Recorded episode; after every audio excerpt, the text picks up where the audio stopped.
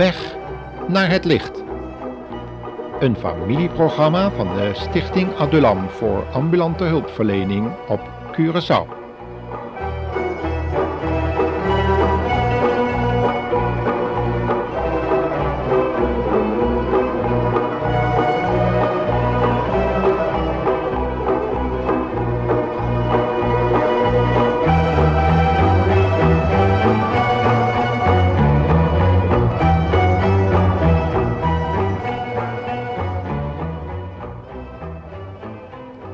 Het thema voor vandaag van deze uitzending heet Op weg naar de volwassenheid. We leven in een tijd waarin normen als een soort gebondenheid worden ervaren. Een profeet uit de Bijbel heeft in dit verband de mening van sommige mensen heel nauwkeurig vastgelegd met de volgende woorden. Leest u dat maar in Psalm 2, vers 3. Laat ons hun banden verscheuren en hun touwen van ons werpen. En dit woord geeft precies de toestand van veel jonge mensen weer, die op weg naar zelfstandigheid het ouderlijk gezag van zich willen afwerpen, maar vaak ook elk ander gezag uit de weg gaan. Hoe kan het ook anders als opvoeders hen hierin vaak voorgaan? In feite is het opstand tegen God zelf. Opstand tegen God en zijn gezalfde, zoals het in Psalm 2 stond beschreven. Het woord van de Heer Jezus als de gezalfde Messias is immers de eeuwen door verworpen, verduisterd en tot verboden boek verklaard. En wat dacht u van de Bijbelkritiek en de valse geest van Eukemene, die elk leerverschil wil verdoezelen? De apostel Petrus schrijft hierover in 2 Petrus 2, vers 1 tot 2. Luistert u maar. Maar zoals er vroeger mensen waren die niet echt namens God spraken, zo zullen er ook onder u mensen komen die dingen leren die niet waar zijn. Op een heel slimme manier vertellen zij leugens over God. Zij willen zelfs niets meer weten van hun meester die hen heeft vrijgekocht. Maar daardoor hollen zij hun ondergang tegemoet. Ze zullen veel mensen zo ver weten te krijgen dat die er ook maar op los gaan leven en het is hun schuld dat het leven met Christus belachelijk wordt gemaakt.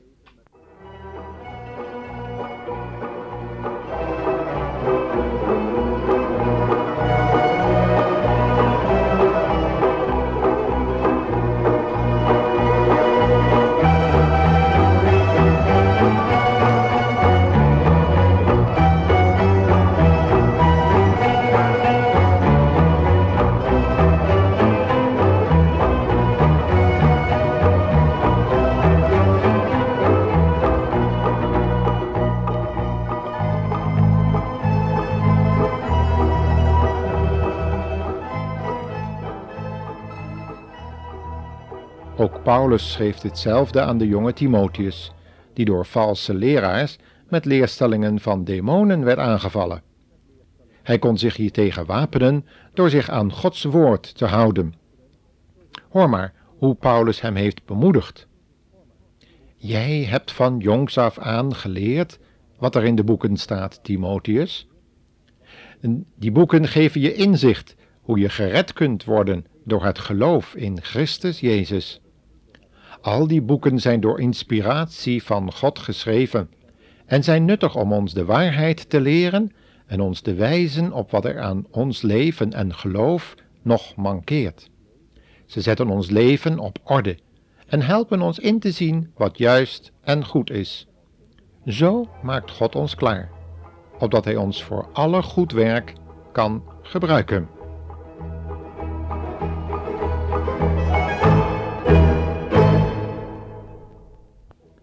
We zullen nu zien hoe God toch mensen in de kerk kan gebruiken om gelovigen op te laten groeien tot zelfstandig denkende en nuchtere schepselen. En dat terwijl er vele valse leraars en profeten werkzaam zijn. Laat het nu echter reeds vaststaan dat het enige fundament van ons geloofsleven de Heer Jezus Christus is, die door middel van de apostelen zijn woord heeft geschonken, dat door Gods geest ons hoop, volharding, liefde en eeuwig leven geeft. Veel mensen denken bij het woordje gaven direct aan allerlei tekengaven die God aan de eerste gemeente gaf. Dit komt omdat het zichtbare gaven waren, waarmee God de bedoeling had ongelovigen onder de indruk te brengen van zijn majesteit, liefde en almacht. God doet dat nog steeds, maar niet meer zoals in het begin. Elke nieuwe start van mensen die het oordeel over zonde en ongeloof ontkomen zijn, gaat gepaard met tekenen en wonderen. Dat begon al bij de uittocht uit Egypte, de inbezitname van het beloofde land en na elke oprechte zondebeleidenis, die gepaard gaat met het wegdoen van afgoden. Maar daarna moeten bekeerde mensen leren uit het geloof te leven. De Heer Jezus zelf was niet zo blij met de vele volgelingen in zijn tijd, want hij wist dat het slechts om de uiterlijke tekenen en wonderen ging, en niet om hemzelf en zijn woord. Hij zei dan ook dat de vele duizenden toehoorders zijn woord niet zouden vasthouden en zichzelf zouden bedriegen als ze bleven staren op de wonderen die gebeurden in die dagen. Omdat de duivel weet hoe mensen ingesteld zijn op alles wat zichtbaar is, en dat de meesten slechts willen geloven wanneer ze wat voelen of begrijpen en zien, heeft hij een indrukwekkende hoeveelheid bedriegelijke wonderen en tekenen achter de hand. Apostel Paulus en Johannes waarschuwden reeds voor deze geest van de antichrist en voor de onreine geesten die uit de mond van de valse profeet zullen komen. Daarom zullen we verschillende tekstgedeelten eens naast elkaar zetten en kijken wat ze ons te zeggen hebben. Eerst iets uit Openbaringen 16, vers 13 en 14. Toen zag ik uit de bek van de draak, uit de bek van het beest en uit de mond van de leugenprofeet drie boze geesten komen. Zij zagen eruit als kikkers. Het waren duivelse geesten die opmerkelijke dingen deden. Wanneer we dit tekstgedeelte in de oude Statenvertaling lezen, zullen we nog iets opmerkelijks zien. Namelijk dat de hier zogenoemde boze geesten tevens onreine geesten bleken. Dikwijls gaan leugenprofeten niet alleen voorbij aan het hele woord van God, als ze er al gebruik van maken, maar ze hebben ook een onreine geest, een zeer besmettelijke geest.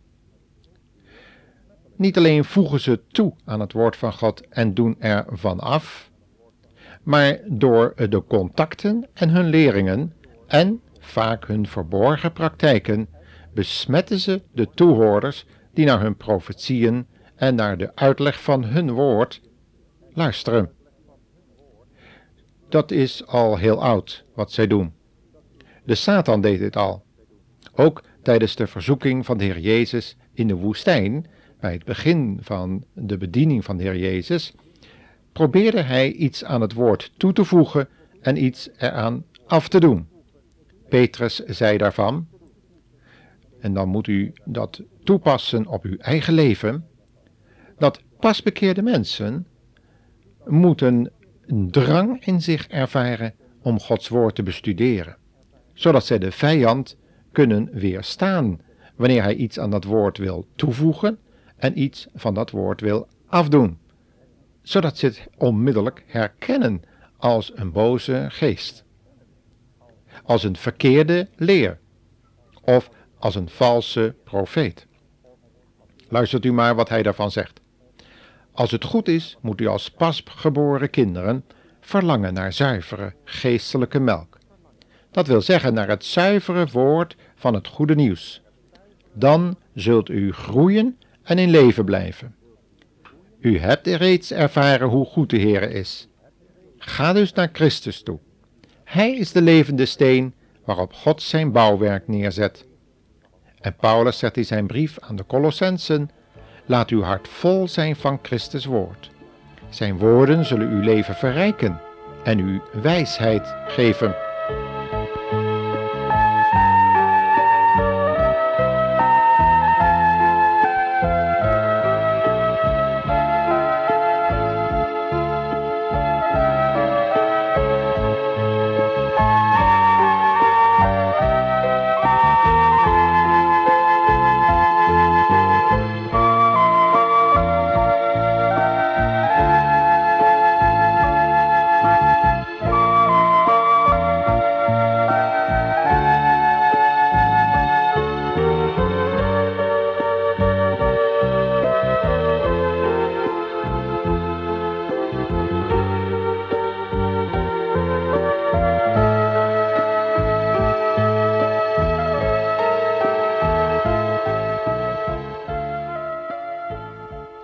God verder wil gebruiken om zijn kinderen geestelijk volwassen te maken, zijn de dienstknechten van Jezus Christus.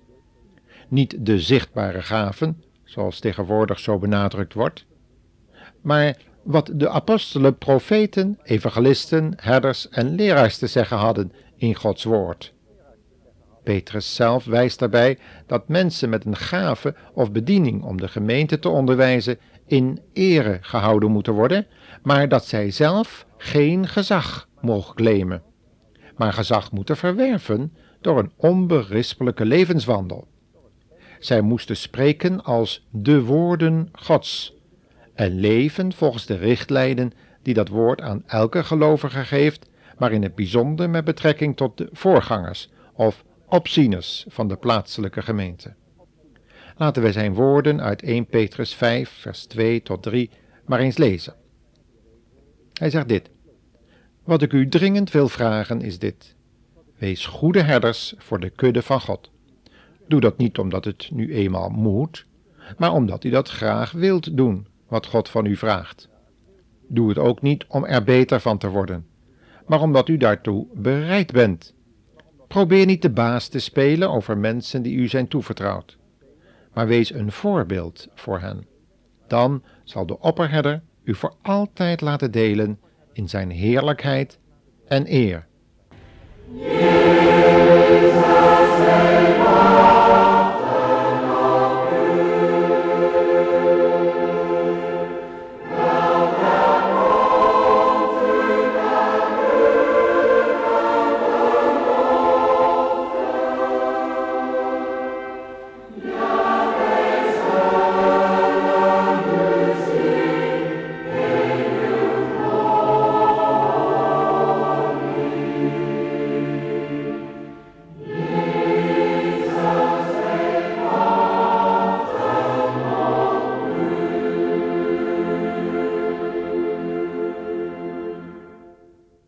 Laten we de woorden van Petrus te harte nemen, luisteraars.